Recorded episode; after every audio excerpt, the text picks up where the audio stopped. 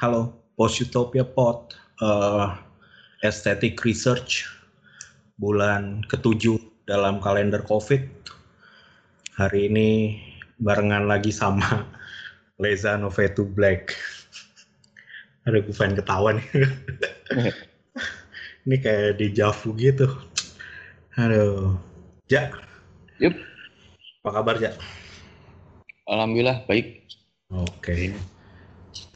Eh kemarin tuh gue ada ada satu gue pengen cerita dulu nih. Gue ada satu pengalaman yang menurut gue uh, menjadi pembeda dari era sekarang sama pas pertama-tama gue kenal sama lo ja. Mm. Kemarin tuh kan gue Google Meet sama Lingga kan. Mm.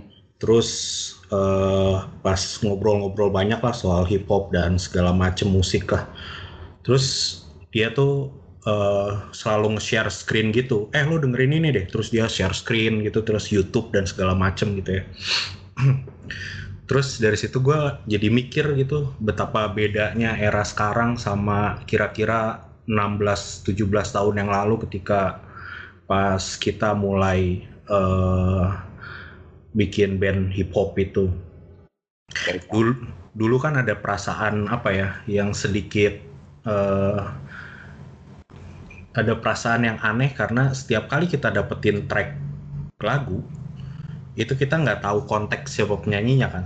Bahkan nggak tahu ini siapa sih terus dia dari mana gitu konteksnya tuh apa dia bikin karya itu gitu. Hmm.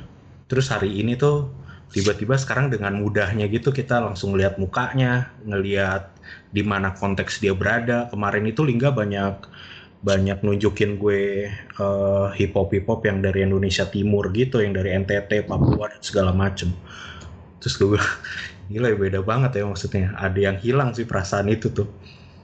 Bahkan dulu tuh gue masih ingat ada satu ada satu track yang gue suka banget yang bikin orang Indonesia sekarang gue udah nggak punya tracknya dan gue nggak tahu itu siapa yang yang yang nyanyi gitu ya yang bikin lagunya gitu. Mm. Ya itu aja sih ada yang hilang gitu perasaan aneh gitu gitu karena sekarang begitu dengar karya lo langsung tahu orangnya lo tahu langsung tahu konteksnya gitu hmm. Gue pikir barusan lu mau nge-share, gue lupa nih siapa yang nyanyi. Oh ternyata sih itu. Gue nunggu-nungguin. Oh ternyata lu juga emang lupa ya emang. iya apa namanya Eh iya dulu kan dulu kan sebenarnya kita kalau flashback lagi ya ke 16-17 tahun yang lalu tuh kan scene hip hop belum se-emerge sekarang kan ya? Iya banget. kayak di Bogor aja gue masih ingat ya yang gue kenal cuman Fade to Black doang gitu. Mm. selain itu nggak ada lagi gitu. Ya, terus terus lu apa namanya pengen tahu tentang track-track hip hop dari kota lain juga ya udah itu dari pertukaran MP3 aja dulu tuh. Ya. Eh, hasil hasil hasil bajak warnet atau dari mana lah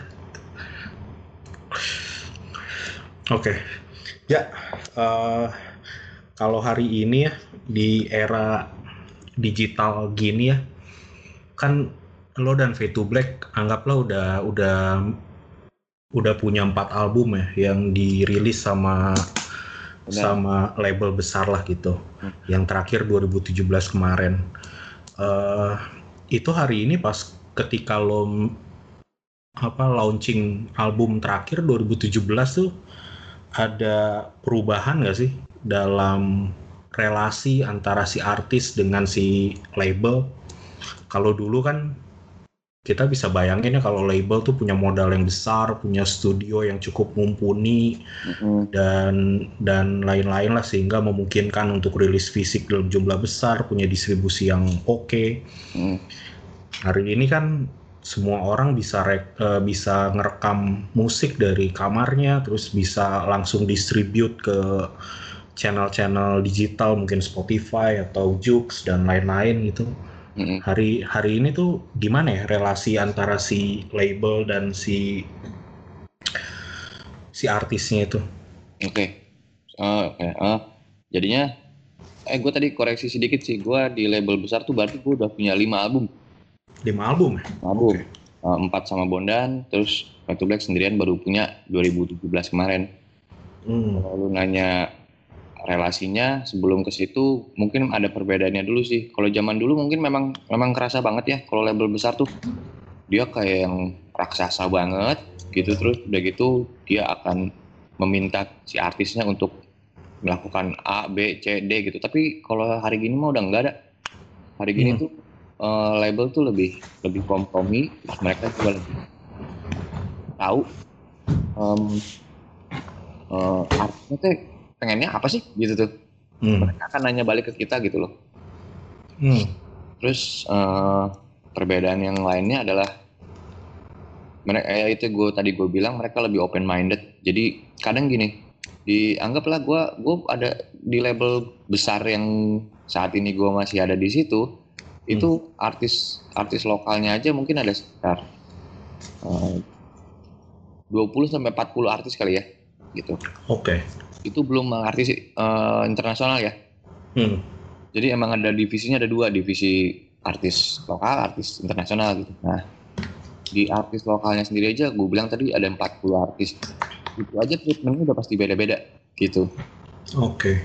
Jadi akan pas akan dengan sendirinya si label akan nanya lu maunya apa gitu. Hmm.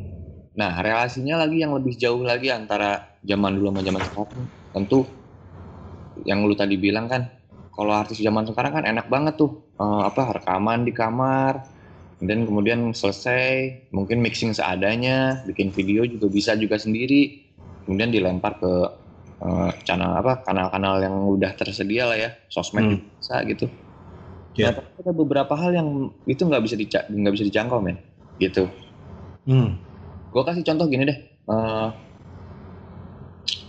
ada artis artis penyanyi cewek nih ceritanya Ya. dia dia udah terkenal banget lah manggungnya juga di mana-mana bagus em, rame tapi gue eh, tapi gue nanya balik pernah nggak sih tuh artis cewek manggungnya di Temanggung Oke. itu dia nggak nyampe situ gitu loh Oke. beda sama gue yang ada di label besar gitu misalnya yang yang emang bisa masuk ke pelosok-pelosok gitu loh maksud gue Hmm. Yang kalau kudu manggung tuh lu turun dari pesawat di misalnya misalnya ya lu tuh Hmm. turun di pangkal apa Palangkaraya dari Palangkaraya lu naik bus 14 jam udah gitu kemudian lu naik eh, lu naik apa uh, dua jam nah itu yang pelosok-pelosok gitu kadang-kadang artis-artis kota nggak bisa dapet tapi gue bisa dapet gitu Oke. jadi mungkin ada perbedaannya ada di situ aja sih Berarti di penetrasi eventnya itu ya? Iya, gitu. Jadi kalau secara mungkin kalau secara lu ngomongin masalah eh, popularitas gitu ya, misalnya terkenal apa enggaknya, mungkin sama-sama terkenal sih gitu. Cuman dia nggak bisa masuk ke pelosok-pelosok aja. Hmm. Oke. Eh, Ja, ini sebelum gue mau nanya soal penciptaan karya lo ya, terutama album terakhirnya Fade to Black yang 2017 ya. Hmm. Kalau sedikit bicara soal sejarah, kemarin tuh gue sempat eh, nge-search eh, Fade to Black di Google gitu. Terus ternyata halaman Wikipedia Wikipedianya Fade to Black masih barengan Bondan dan Ya. ceritanya lebih banyak Bondannya sih. Hmm. lo pertama kali ketemu sama teman-teman sama Ari sama Tito dan lain-lain tuh tahun berapa sih? Gue tuh ketemunya, sebenarnya gue sama Tito kan teman sekomplek. Jadinya kalau misalnya lu nanya ketemunya kapan, mungkin sebelum gue sekolah kali ya. Jadi udah main dulu di komplek. Hmm. Nah, cuman ketika udah mulai SMA gitu tuh 9 98 99 gitu ya namanya anak SMA kan nongkrongnya sekomplek bareng ya gitu. Iya. Kita dengerinnya musik bareng udah gitu. Si Tito lagi dengerin Rage Against the Machine sama sama gua. Itu awal-awalnya di situ doang sampai akhirnya kita tahu bahwa kita punya minatnya sama sih nge-rap gitu. Udah gitu saat itu ya yang gua yang gua sama Tito em, bisa dibilang yang yang pencetusnya Fade to Black ya gua sama Tito sih. Jadi waktu itu kita mikir kayaknya kagak ada ya band apa rapper gitu di Bogor kayaknya nggak ada ya. Walaupun sebenarnya saat itu ada House to House. Cuman House kan em, dia mahasiswa yang kuliah di Bandung, jadinya ya nggak pernah ada di Bogor gitu. Oke. Jadinya ya udah karena kita ngerasa nggak ada yang nge-rap di Bogor saat itu Hmm. ya kita bikin aja yuk gitu. Awalnya itu sih. Terus Em, Tito itu karena teman sekolah sama si Ari, gue ngajak teman gue ya, gitu. Terus kemudian gue juga ngajak teman gue si almarhum Anan, gitu. Hmm. Oke. Oke, jadi mulai kebentuk formasinya tahun berapa tuh? Sebetulnya lebih ke tahun 2000 kayaknya, 2000 ya. 2000 lah. Hmm. 2000 itu kita masih formasinya udah gua, Tito, Ari, Anan, gitu. Coki belum ada, Adit belum ada. Jadi eh, tapi kita berempat yang utamanya gitu udah udah ada terus masih ngeband bawain lagu apa eh, RATM bawain lagunya saat itu tuh apa sih Eh, Gangster Paradise gitu-gitu. Oh, Kulio, Kulio. Yo. Oke. Eh, berarti 2000-an ya. Iya sih, bisa dibilang bisa dibilang sebenarnya ya Fade to Black yang pertama-tama lah ya, selain House to House ya di Bogor ya untuk rap. Terus eh, apa namanya? eh sejak sejak itu sebenarnya bisa dibilang album pertama lo itu yang sama Bondan ya. Artinya Fade to Black-nya sendiri sampai ke tahun berapa tuh sama Bondan 2006 ya pertama kali keluar ya albumnya Sama Bondan tuh 2005. 2005 berarti dari jangka waktu 2000 sampai 2005 tuh kalau nggak salah Fade to Black baru cuma punya single-single aja kan ya belum belum ada album kan Ada album ja gua. Gua punya album paling cuma 150 keping doang tuh. Karena Hmm. emang yang ngeburning ngeburning CD di komputer sampai jebol-jebol tuh komputer tuh ya kita cuma bisa ngeburning 150 biji. Gitu. oh iya iya, iya gue inget gue baru inget gue baru inget ya ada ada gue pernah lihat CD-nya gue iya Iya. benar-benar Itu yang bikin si Lusdi juga yang bikin covernya. iya iya Lusti iya oke Tuh, gue jadi sebelum mau Bondan emang udah punya album. Gitu.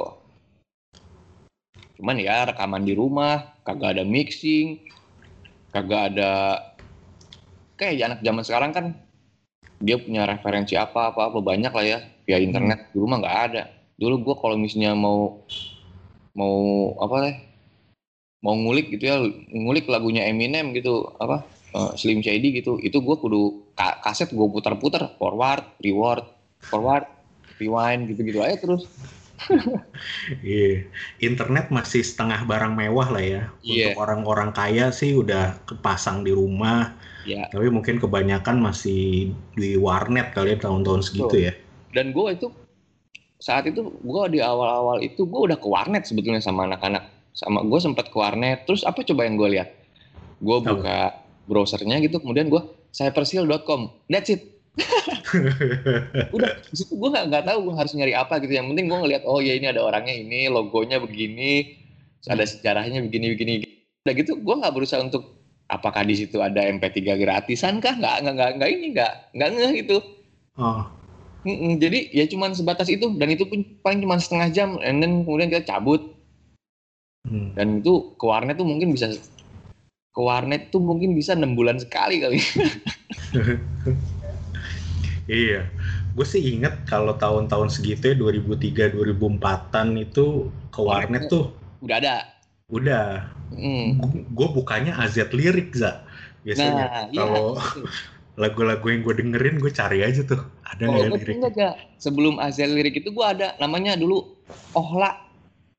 Oh lah wah gue belum ngerasain. Nggak tahu tuh gue itu 2000-an tuh. Itu tuh Ohla tuh original hip hop list.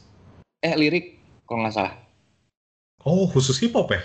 Khusus hip hop emang khusus hip hop itu wow gitu. Iya. gua dulu ke Ohla tuh. Belum tahu tuh gue kalau oh lah tuh.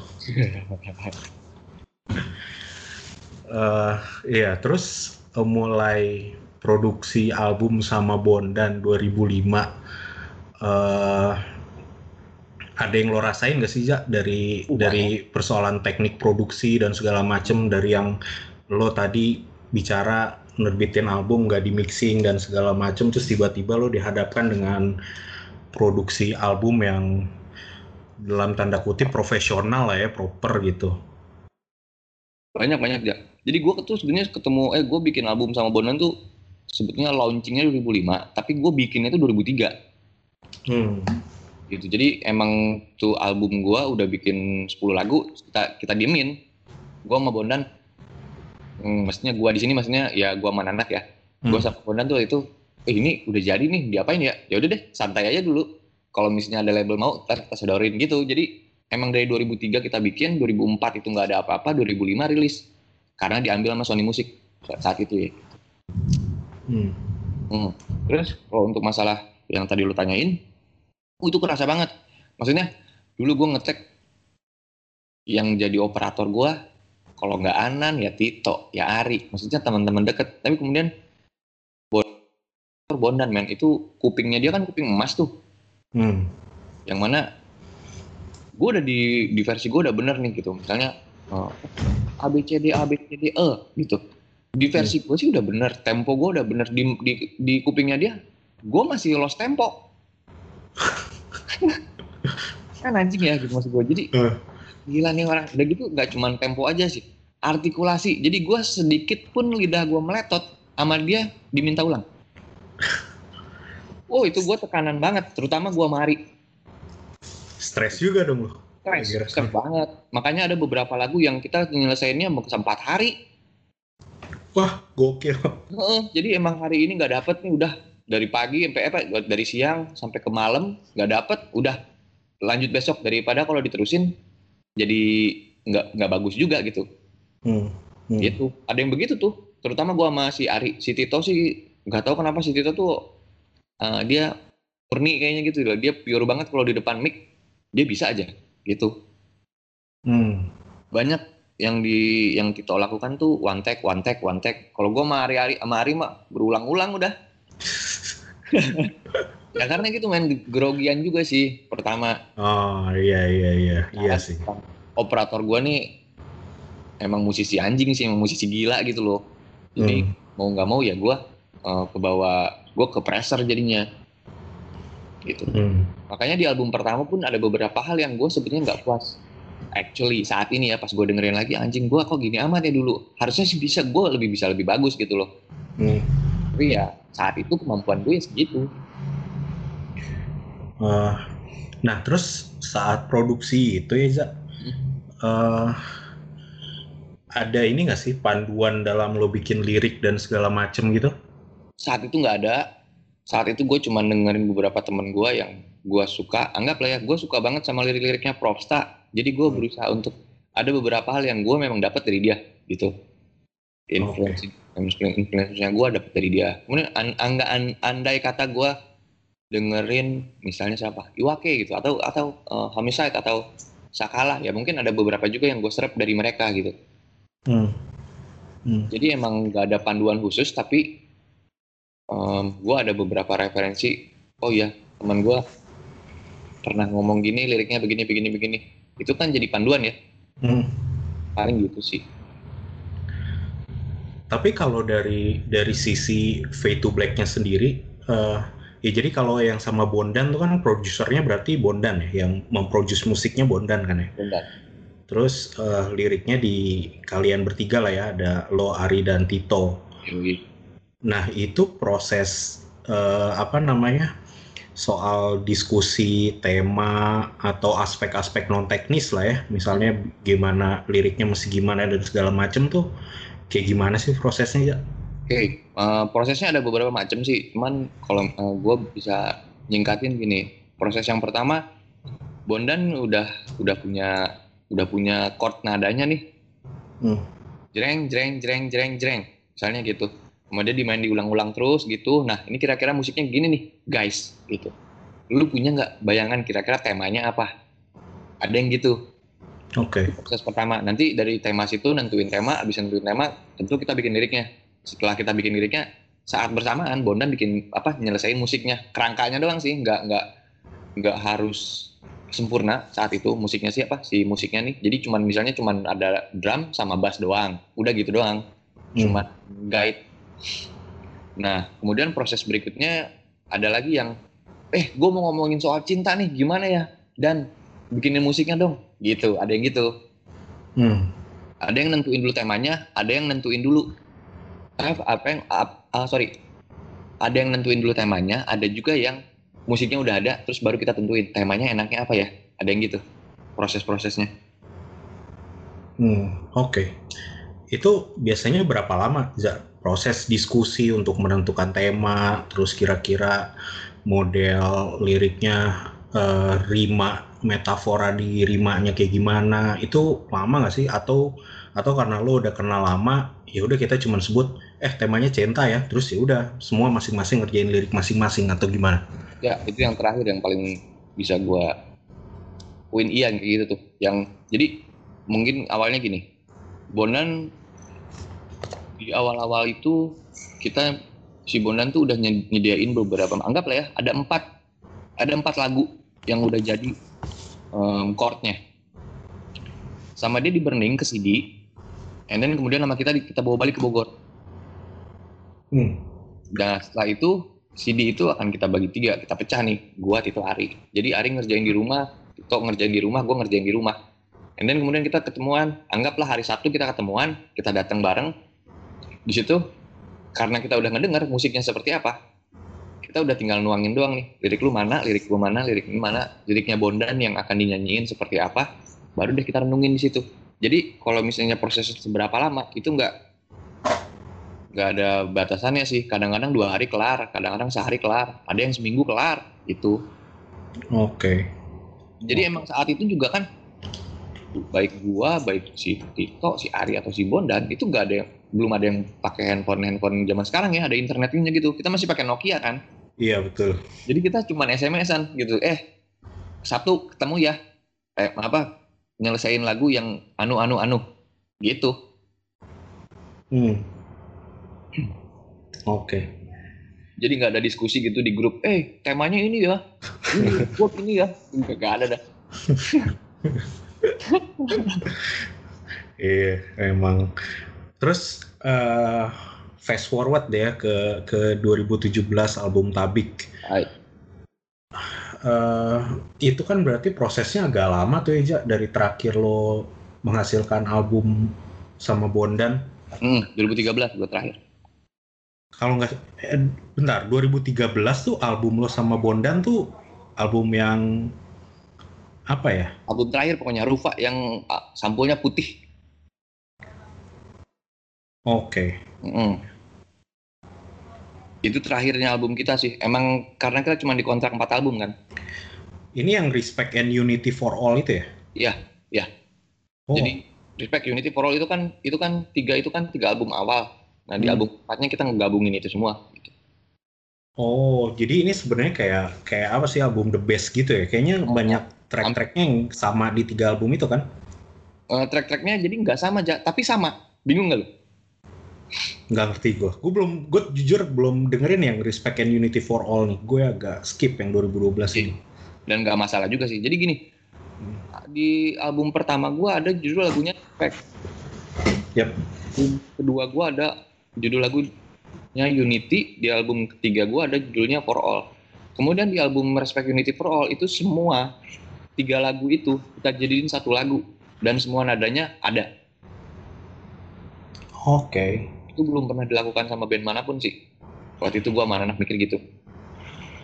Jadi tiga lagu kita di tiga lagu di album sebelumnya kita jadiin satu. Terus ada lagi yang misalnya di album pertama kita punya judul lagu Feels Like Home misalnya gitu ya hmm. di album keempatnya kita bikin judulnya jadi Home kuncinya sama tapi yang tadinya itu kencang banget kita bikin jadi bossa nova gitu oke okay. liriknya tapi beda 100% beda liriknya gitu jadi dari kita ngambil lagu itu di album keempat ya. Hmm. Lagunya itu kita ambil dari album-album sebelumnya, cuman kita aransemennya kita rubah. Oke. Okay. It's like, itu kan musiknya rock banget nih. Hmm. Nah di album yang keempat, yang judulnya Home itu walaupun nadanya sama, tapi kita bikin jazz, bossa nova, swing gitu-gitu. Hmm. Nah, zaman V2 Black sama Bondan tuh bisa dibilang sangat produktif ya. Kayak kayaknya lo cuman selang 2 3 tahun terus lo keluar album lagi dan segala macam. Uh, nah, sampai ke album Tabik 2017 itu kan jedanya agak lumayan lama tuh ya. Hmm. Agak lima tahun, agak absen. Ya. Uh, itu apa yang bikin lama gitu ya prosesnya? Kalau di sama Bondan pertama emang ada tuntutan label Jadi lu setiap dua tahun emang lu harus ngeluarin album deh minimal gitu. Hmm. Itu ada tuntutan itu. Yang per, yang keduanya setelah 2013 gua keluarin album sama Bondan, gua tur tuh. 2013 tuh gua turnya album yang itu setahun. Nah, sampai 2014 kan kita vakum. Gua sama Bondan kan vakum akhirnya. Jadi emang vakum di sini bukan berarti gue sama Bondan emang bubar enggak sih. Jadi lebih kepada lu bikin album lu sendiri, Bondan bikin album sendiri. Cuman itu sampai nanti kapan vakumnya nggak ditentuin. Kalau kita pengen mau gabung lagi, hayu gitu. Nah di 2014 itu karena ada kevakuman itu, akhirnya gue sama anak memutuskan untuk bener-bener berhenti dari dunia musik. Jadi emang gue setahun dari 2014 sampai ke 2015 itu gue sama sekali nggak manggung, nggak bikin rekaman, nggak ada sentuh-sentuhan sama musik gitu. Karena kebetulan saat itu juga gue sama anak lagi ngerintis clothingan di Bogor gitu. Hmm. Jadi emang bener-bener nggak nggak pengen bikin musik gitu. Vakum aja sih gimana sih gitu, stop aja. Hmm. Kemudian kita ingat kalau misalnya kita tuh sebetulnya masih punya utang satu lagi sama Sony Musik gitu. Akhirnya Sony Musik tuh kayak ngubungin ke kita, terus ngomong, eh, Fatu Black gimana kabarnya, bla bla bla bla. Bikin album yuk, gitu. Nah di situ akhirnya, ya udah deh bikin lagi aja yuk, gitu. Hanya sebatas itu sih. Nah kemudian awalnya single, single, single, sampai akhirnya di 2017 itu berupa albumnya. Gitu. Oke. Eh, kalau gue dengerin album Tabik ya, kebetulan gue beberapa minggu belakangan dengerin juga sih. Hmm. Eh, sebenarnya kan masih eh, beberapa mayoritas tracknya masih sangat pop lah ya. Oh. Eh, pop tuh bu- bukan gue artikan jelek ya, maksudnya pop gitu, bentuk estetikanya tuh pop gitu. Ya, bisa Eh, banyak gitu ya. Iya. Eh, meskipun sebenarnya apa yang disebut pop juga nggak bisa diukur oleh seberapa banyak audiens sih. Ya, Menurut gue itu bentuk estetika aja gitu. Betul.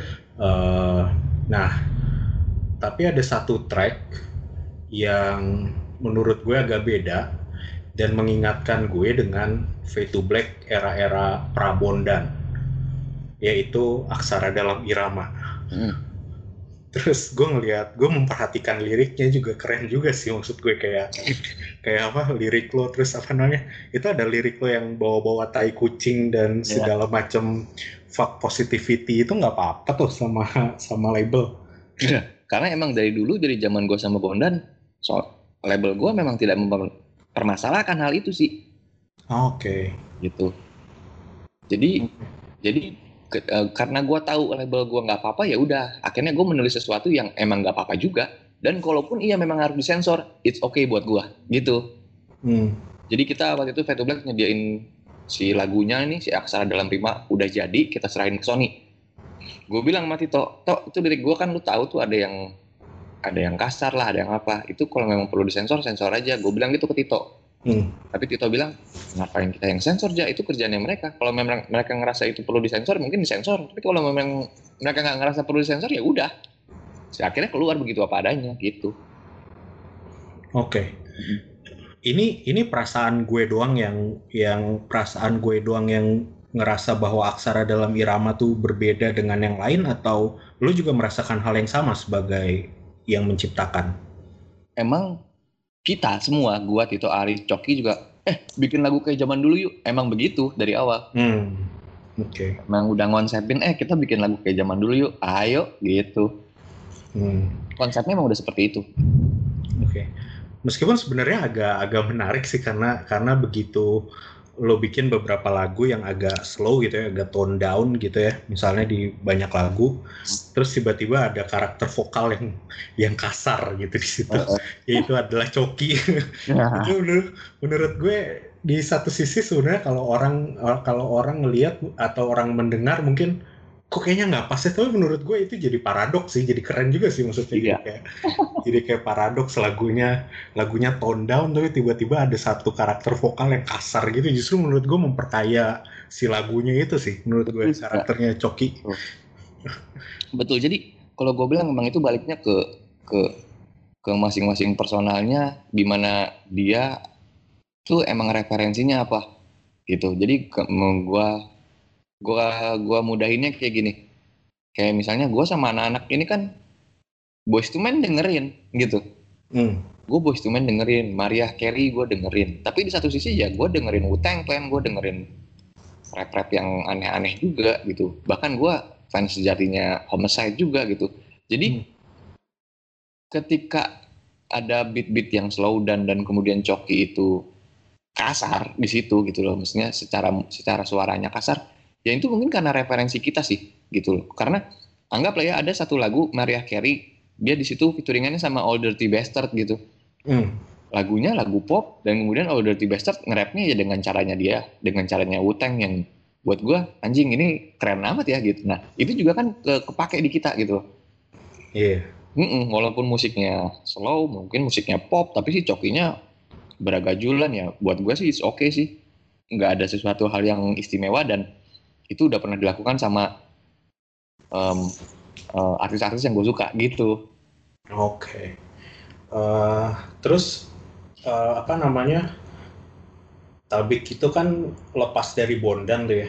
Eh. Eh, apa yang lo apa yang lo rasakan eh, berbeda dalam proses produksinya Za ketika masih sama Bondan? Karena apa namanya? Karena meskipun sebenarnya kalau kalau didengar ya masih satu vibe ya, masih masih topnya sama gitu. Ya masih ada garis merah lah ya. Iya. Jadi kalau misalnya lu bikin, lu bilang tadi susahnya ada di mana, sebenarnya susahnya ada di Tito. Kalau gue bilang gitu. Jadi gini, dulu itu waktu zaman sama Bondan, gue Tito sama Ari itu terbiasa untuk terima beres. Dalam artian terima beres, musiknya udah ada dan kemudian gue tinggal bikin lirik gitu. Dan Hmm. kemudian album yang Tabik ini gue musik nggak ada yang bikin, siapa yang bikin gitu.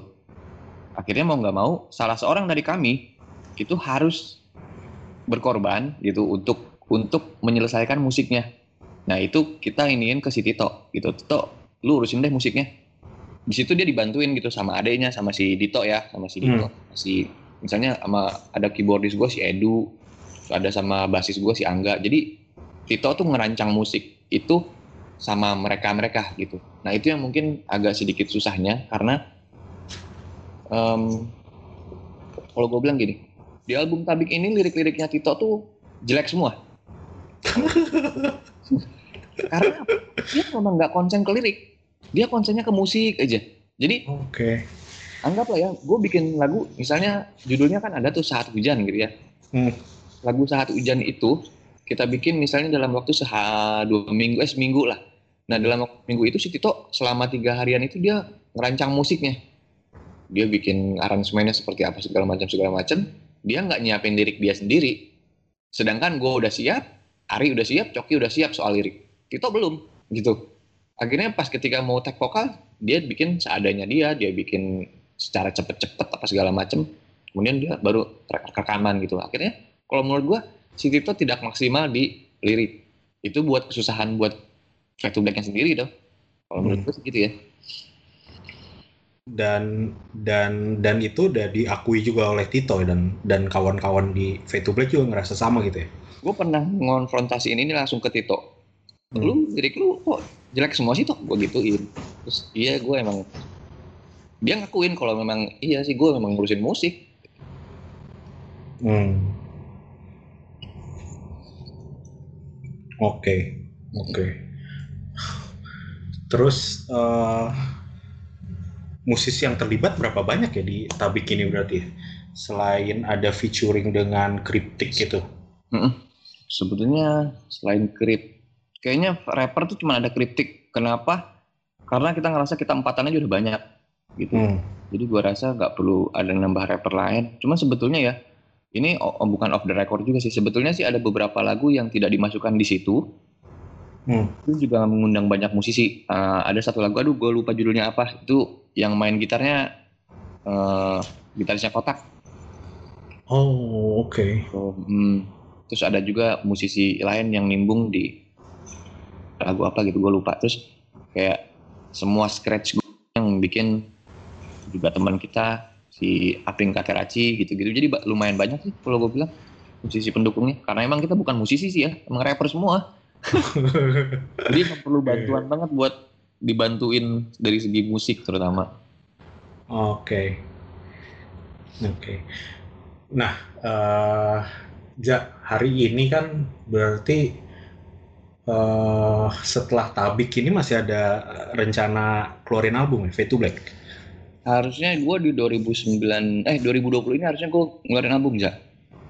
Gitu. Jadi 2000 Oke, 2020. Ah, harusnya tahun ini tuh emang kita harusnya ngeluarin album. Hmm.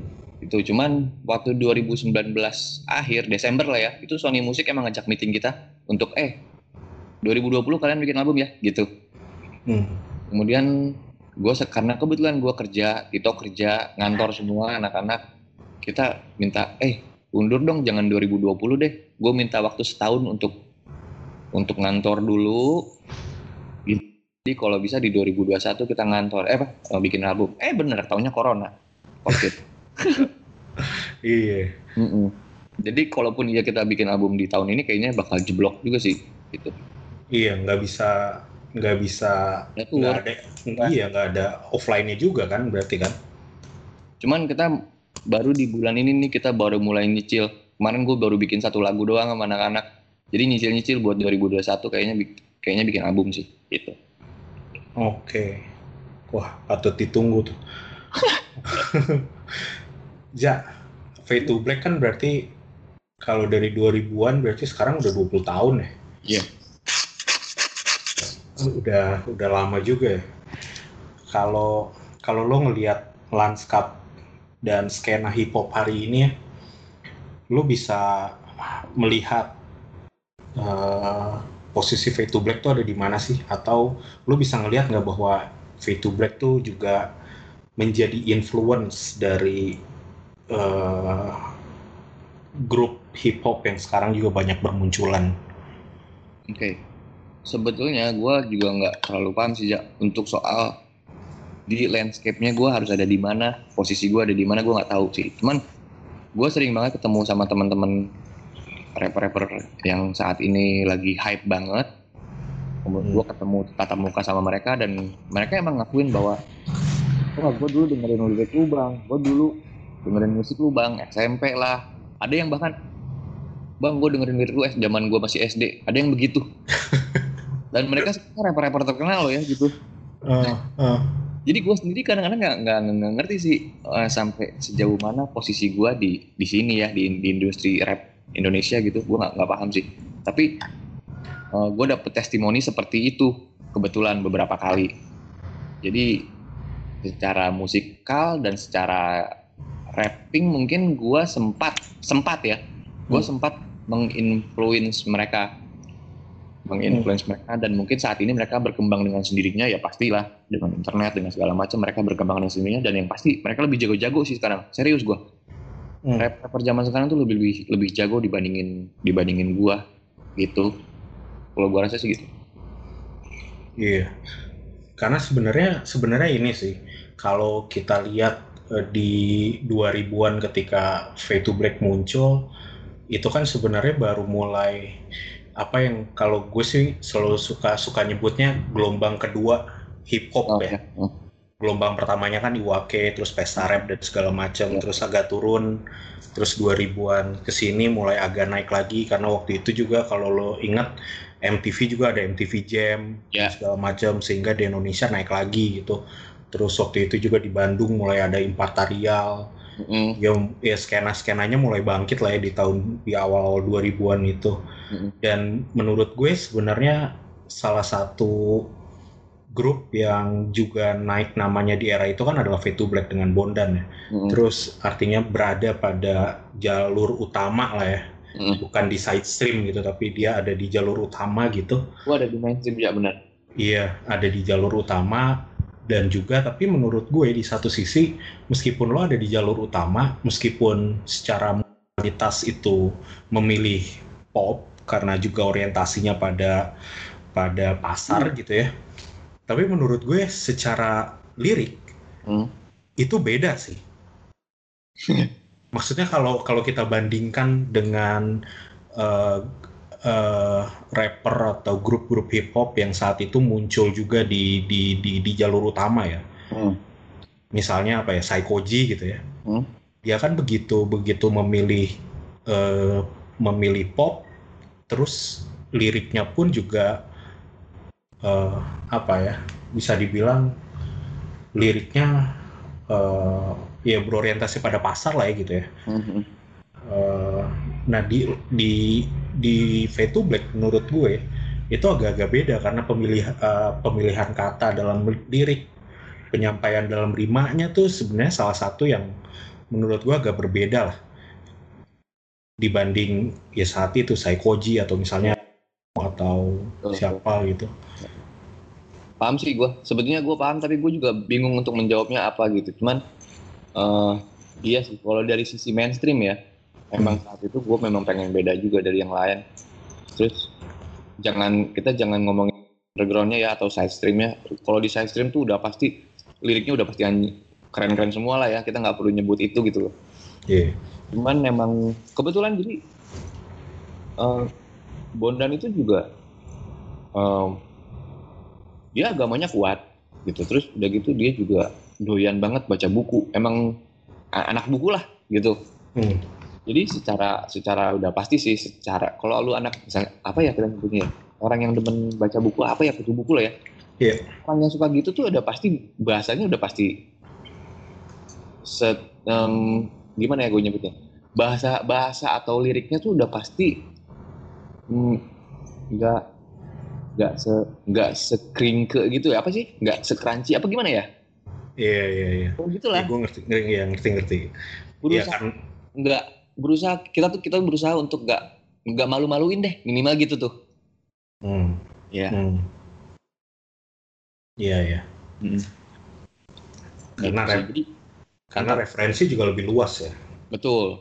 Ya sekarang kalau gua rasa sih ya, kalau memang lu rapper atau lu gak usah rapper deh, kalau memang lu penyanyi dan kemudian lu banyak baca buku, gua rasa lirik lu memang akan lebih baik Hmm. bandingin yang nggak baca gitu sih. Tapi Tito sama Ari juga bukan pembaca buku sih, tapi karena gua sama Bondan itu juga sama-sama doyan buku, akhirnya ke, eleva- ke elevasi sendiri antara Tito sama Ari gitu loh.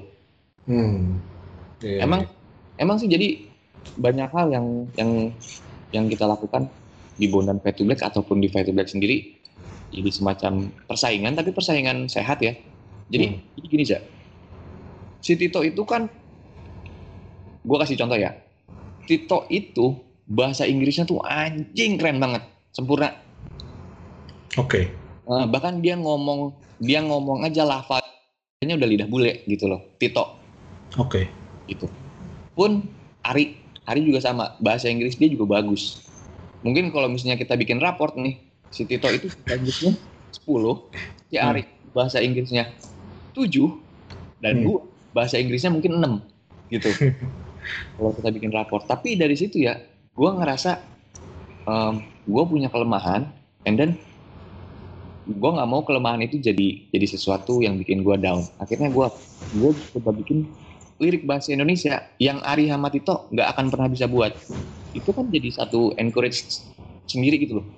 Hmm. Gua nantang diri gua sendiri untuk lebih baik dibandingin Tito atau si Ari, tapi bukan di bahasa Inggrisnya, tapi di bahasa Indonesia Oke. gitu. Jadi emang ada sedikit persaingan tapi persaingan sehat. Ada tantangan-tantangan sendiri di situ kadang-kadang. Makanya ketika gue ketemu beberapa eh, beberapa fans Bondan to Black di kota mana gitu ya, mereka selalu ketemu gue selalu bang lirik lu tuh gue paling suka lirik lu, gue paling suka lirik lu. Itu selalu alhamdulillah ya. Beberapa kota tuh selalu begitu. Dibanding mereka ke gitu tuh ke Tito atau ke Ari gitu. Ke- lebih ke guanya alhamdulillah. Gue sih senang aja berarti misi gue tercapai gitu lah kompleks gitu loh Oke. nah gimana gue bikin lirik sesuatu yang walaupun bahasa Inggris gue jelek setidaknya bahasa Indonesia gue lebih baik dibanding Tito sama Ari mungkin gitu intinya gue Oh, itu itu dia makanya kenapa di eh, lagu Aksara dalam Irama meskipun Ari lo bilang nggak suka baca buku tapi liriknya bisa ngomongin Kafka ya. tapi nah balik lagi Ari itu juga baca buku kadang-kadang Oke. jadi bahkan dia baca Kafka gue aja enggak loh nah ini, di lagu berikutnya ini nih ada nih gue lagu berikutnya dia dia dia sebelum dia nulis lirik ini dia baca buku-bukunya siapa sih Zola Zola Waduh, berbahaya. Hmm. Zola itu yang yang membakar revolusi Prancis tuh. Iya. Nah, dia baca buku itu sebelum dia nulis lirik ini. Itu gue bilang pas gue nggak denger liriknya dia, wah anjing luri lu kampret luri gue bilang. Jadi emang secara se- akhirnya si Ari pun tertantang sama diri gue dong. Maksud gue mungkin saat itu banyak banyak yang pendengar-pendengar kita tuh ngerasa lirik gue lebih bagus dibandingin Tito sama Ari. Tapi mungkin saat ini liriknya Ari tuh lebih bagus dibandingin gue. Oke. emang, emang, emang gila sih. Maksud gue ya itu pertemanan yang baik ya begitu sih emang. Iya, iya. Kalau menurut gue ya gitu. Menarik, menarik. Ini pertanyaan terakhir deh, Za. Hmm. Lagi baca buku apa dan lagi dengerin lagu apa loh? Lagi dengerin musik apa hari ini? gue musik gue nggak ada yang berubah aja jadi gini musik musik musik zaman sekarang itu kan bagus-bagus ya Hmm.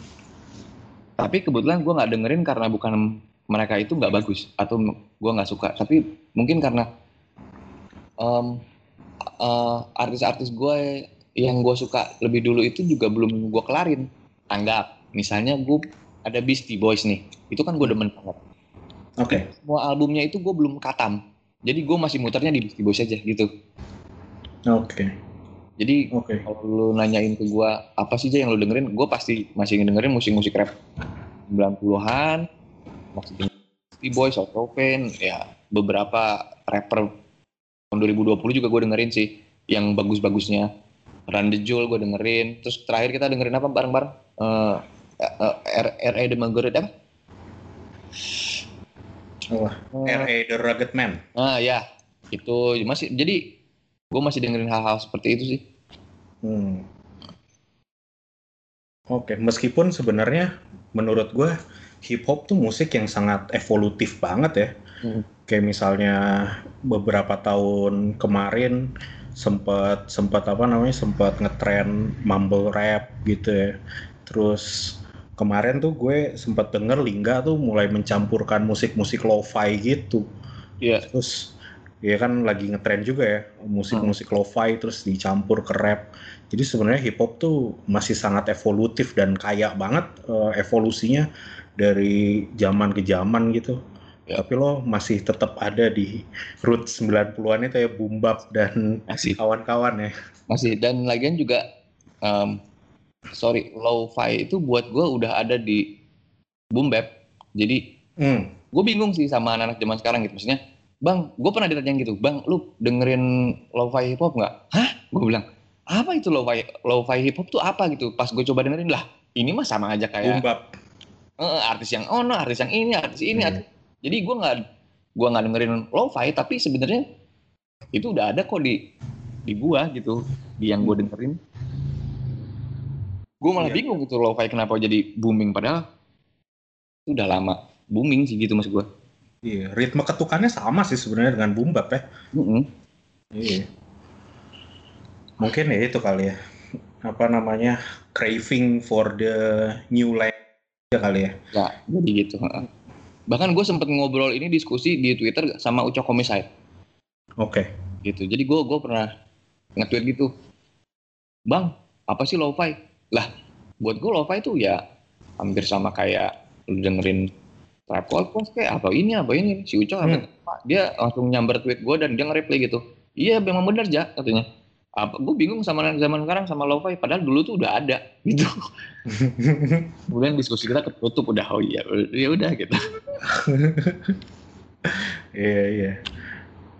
Iya, kemarin juga Lingga menggunakan bahasa itu tuh, lo-fi.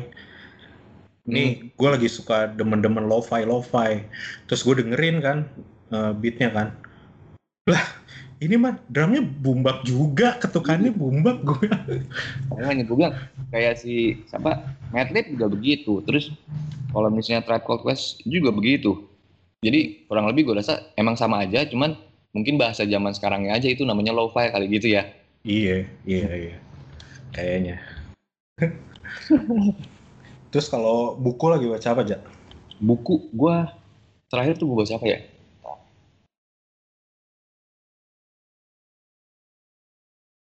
Buku yang buku yang terakhir gue baca tuh komik sih. Oke. Tapi emang itu ada ada unsur bagusnya juga sih. Lu, Karena su- lu suka komik apa sih? banyak ya. Jadi Gue juga baca komik soalnya. gue masih beli Kung Fu Boy, gue masih beli Detektif Oh. Conan, gue masih beli macam-macam. Tapi yang terakhir kali gue baca ini Usagi Yojibo. Usagi Oh, Usagi ya, ya, ya, ya. gue tahu, gue tahu. itu kan dia juga di situ filosofinya anjing loh. Maksud gue, Hmm. pun dia no disebutnya no- eh, novel grafis ya. Hmm, novel grafis, grafik novel ya. Apa di situ filosofi eh, filosofinya tuh buat gue "Wih, anjing keren aja gitu. Beberapa hal emang ada yang gue cadur dari situ. Maksudnya gue coba terapin di hidup gue, terapin di lirik. Hmm. Gitu. Kalau gue kalau gue manga Jepang, ini buat rekomendasi ya. Lo Hmm. coba cari Junji Ito deh. Oh, itu gue baca. Ah, baca juga loh. Eh, itu gue gue baca banget, gue suka banget tuh. Gue baca apa? Iya. Saat ini ya, saat ini gue lagi doyan manga-manga yang yang ringan. Oke. Jadi kayak misalnya apa? School of Life gitu loh. Hmm. hmm. Masakan gitu-gitu. buat buat apa sih misalnya baca sebelum tidur doang buat ngantuk. Oh. Hentai ya pastilah. Anjing. Normal gue. Oke, itu itu klimaks kayaknya pengakuan lo baca hentai. Jadi kita akhiri sampai di sini aja. Oke ya.